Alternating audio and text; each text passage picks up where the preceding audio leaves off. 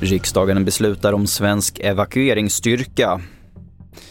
Afghanistan ett terrornäste igen och hälften av Sveriges lekplatser borta. Ja, det är rubrikerna i TV4-nyheterna, men först till situationen i Sudan där flera länder redan evakuerat eller håller på att evakuera medborgare. UD uppmanade nyss svenskar i Sudan att lämna landet och riksdagen beslutar strax om mandat för en svensk väpnad insats. Enligt uppgift till nyhetsbyrån TT är styrkan, eller en del av styrkan på 140-50 man redan på plats i närområdet. Mer om det här på tv4.se. Terrorrörelsen IS samordnar sig i Afghanistan och har planerat för ett tiotal olika attacker mot amerikanska eller europeiska mål. Det här enligt USAs försvarsdepartement. Uppgifterna kommer från säkerhetsläckan från Pentagon som väckt stor uppmärksamhet de senaste veckorna. Och mer än hälften av Sveriges lekplatser har försvunnit under 2000-talet. Det visar en ny rapport som TV4 Nyheterna fått ta del av. Trots att experter menar att platser för utomhuslek är av stor vikt för barns utveckling och hälsa väljer många kommuner att lägga ner lekplatser. Giovanna Dahlgren är barnläkare och professor vid Göteborgs universitet.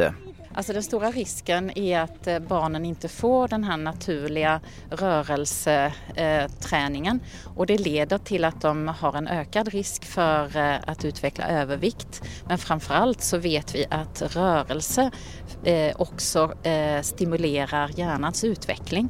Så man får ju många problem. Och så här säger Maria Jakobsson som är kommunstyrelsens ordförande i Krokom.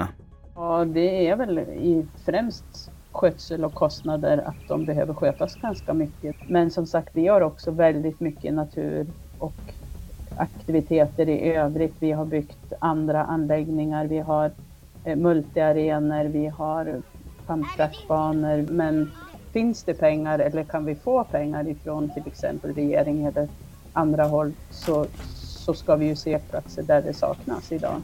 Det var den senaste uppdateringen från TV4 Nyheterna. Fler nyheter på tv4.se i studion Albert Hjalmers.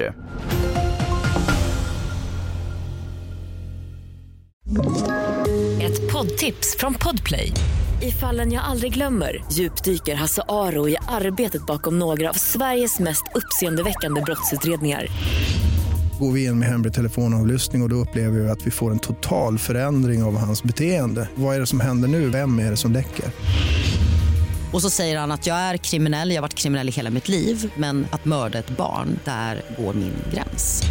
Nya säsongen av Fallen jag aldrig glömmer på Podplay.